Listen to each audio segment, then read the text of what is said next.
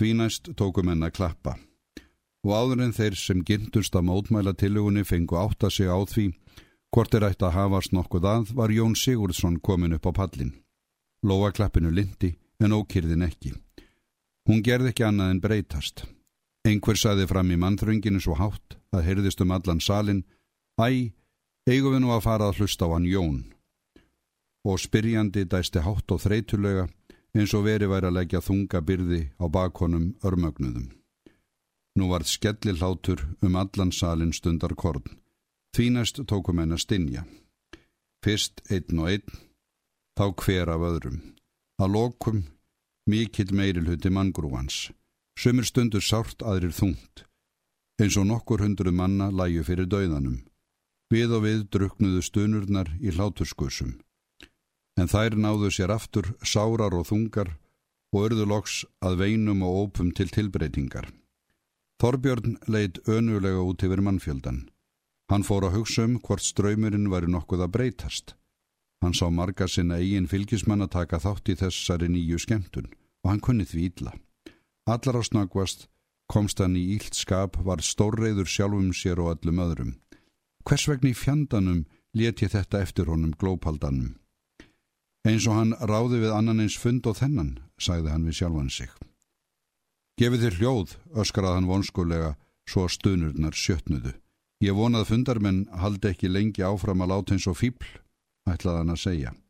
En honum hugkvæmdist á sama augabræði að ekki myndi vera higgjilegt að egna jafn æstan fund, staldraði við og sagði, ég vona að fundarmenn gefi hljóð.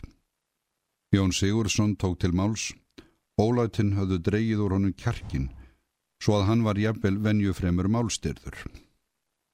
Háttvirt að samkoma, ég ætla sem sé að styðja tillöguna. Lengra komst hann ekki. Ungur maður stóð upp í miðjum salnum, reyfi snatri bref upp úr vasa sínum, vöðlaði því saman millir handa sér og mælti kvellum rómi með feikna flíti. Hvort á ég heldur að hitt upp í kæftin á Jóni Sigursinni eða millir fótan á honum. Ég get hitt hvar sem ég ætla mér. Ég hefi marg æft mig á því. Atkvæði fljótt. Þetta vakti óumræðilegan fögnuð, menn hlóu og klöppuðu og stöppuðu sömur æftu. Upp í kæftin, upp í kæftin og aðrir af jafn mikilli ákefð, milli fótana, milli fótana. Þau augnablik sem á ópunum stóð, stakk maðurinn er uppi hafði staðið, brevkúlin uppi sig og tugði í ákefð. Jón Sigurðsson var svo kumsa við þessar viðtökur að hann stóð agdofa fremst á ræðupallinum og gafti. Hann vissi korki þennan heimni annan fyrir en blöyt brevkúlan small á tönnunum á honum. Köglar úr henni hrutu ofan í kók. Jón Sigurðsson tútnað út og stóð á vendinni. Nú fyrst er skiljanlegt að þú þurfir að reskja þig, sagði sáir brevkúlunni hafði kastað og settist niður róðugur. Þá var háaðin svo mikill sem húsið væri að hrinja. Engin orð heyrðust um stund þó var margir eftu. Þorbjörn sá sér ekki til neins að öskra. Hann gerði ekki annað en að halda handlegnum út frá sér og vakka honum hægt fram og aftur eins og hann ætlaði að svæfa ókyrðina og þegar skarkalinn tók að sjatna voru kvellarrattir að smjúa gegnum hann. Við hlustum ekki á Jón. Við erum ekki hingað komnir til að hlusta á ræskingar. Niður með hann, niður með hann og því næst komu djúpar þungar og hægfara drunur. Við hlustum ekki á hann, við hlustum ekki á hann. Í þessum svifunum hugkvæmdist einhverjum að rópa Hvers vegna fáum við ekki prestin? Mannfjöldin gleifti við þessu á einu auga bræði. Já, já, já. Prestin, prestin, prestin. Nú heimtu við prestin og enna nýju hófst og lofaklapp og stapp í gólfið og menn æftu í sífellu. Prestin, prestin. Jón Sigurðsson stóð enn á ræðupallinum. Hann hafði átt anrikt við að hreinsa kokið. Þorbjörn veg sér að honum. Hvað eru þér að hýma hér lengur, meldi hann óþólumóðlega. Skiljið þér það ekki að þeir ætla sér ekki að hlusta á yður. Blessaður farið þér ofan svo að þessum ólátum linni einhver tíma. Jón Sigursson fór ofan, ólatónum lindi, Þorbjörn sætti færinu tafarlust. Ég genga því vísu, meldi hann að sér að Þorvaldur Gunnarsson hafi hýrtað að fundurinn eskir eftir því að hann tæki til máls. Nú vil ég spyrja hann hvort hann vil verða við þeirri ósk fundarins. Sér að Þorvaldur stóð upp. Ragnhildur var friðlus, henni fannst óþólandi að geta ekkert haf stað. Allra snakvast hugkvæmtist henni að standa upp líka og fara með honum upp á ræðupallin, en hún sá í sama andartækinu að það var vittleisa. Hún lautaði eiran á föður sínum og sagði með nokkur ákefð Segðu það pappi, þegar þú tekur til máls, segðu það, segðu það. Hann leita á hana, skildi hana og kinkaði kolli. Presturinn kom upp á ræðupallin, Ragnhildi hægðist. Hún sá að þjáningardrættirnir voru hornir.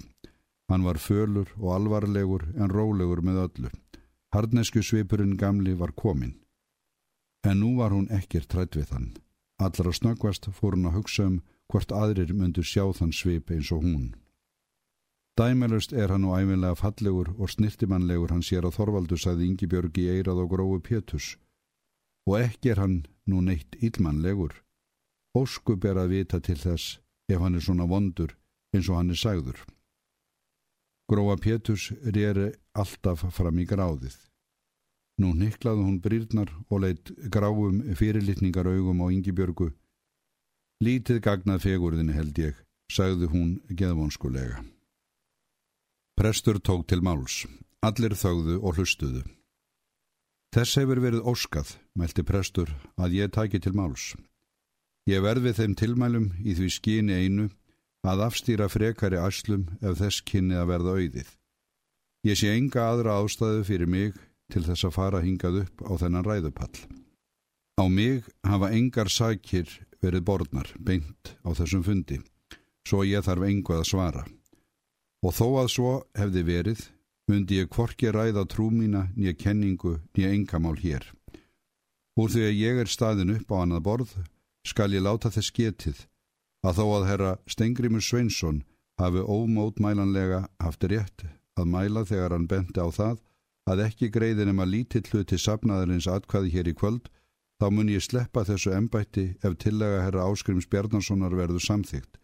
Fleira mun ég ekki segja á þessum fundi. Prestur hafði sagt hvert orð skýrt talað hátt í styrkum róm með öllu geðshæringar laust, en ummæli hans voru öllum vonbriði. Sumur hafðu hlakkað til ræðu sem Áskrimur Bjarnason rifi sundur og eftir.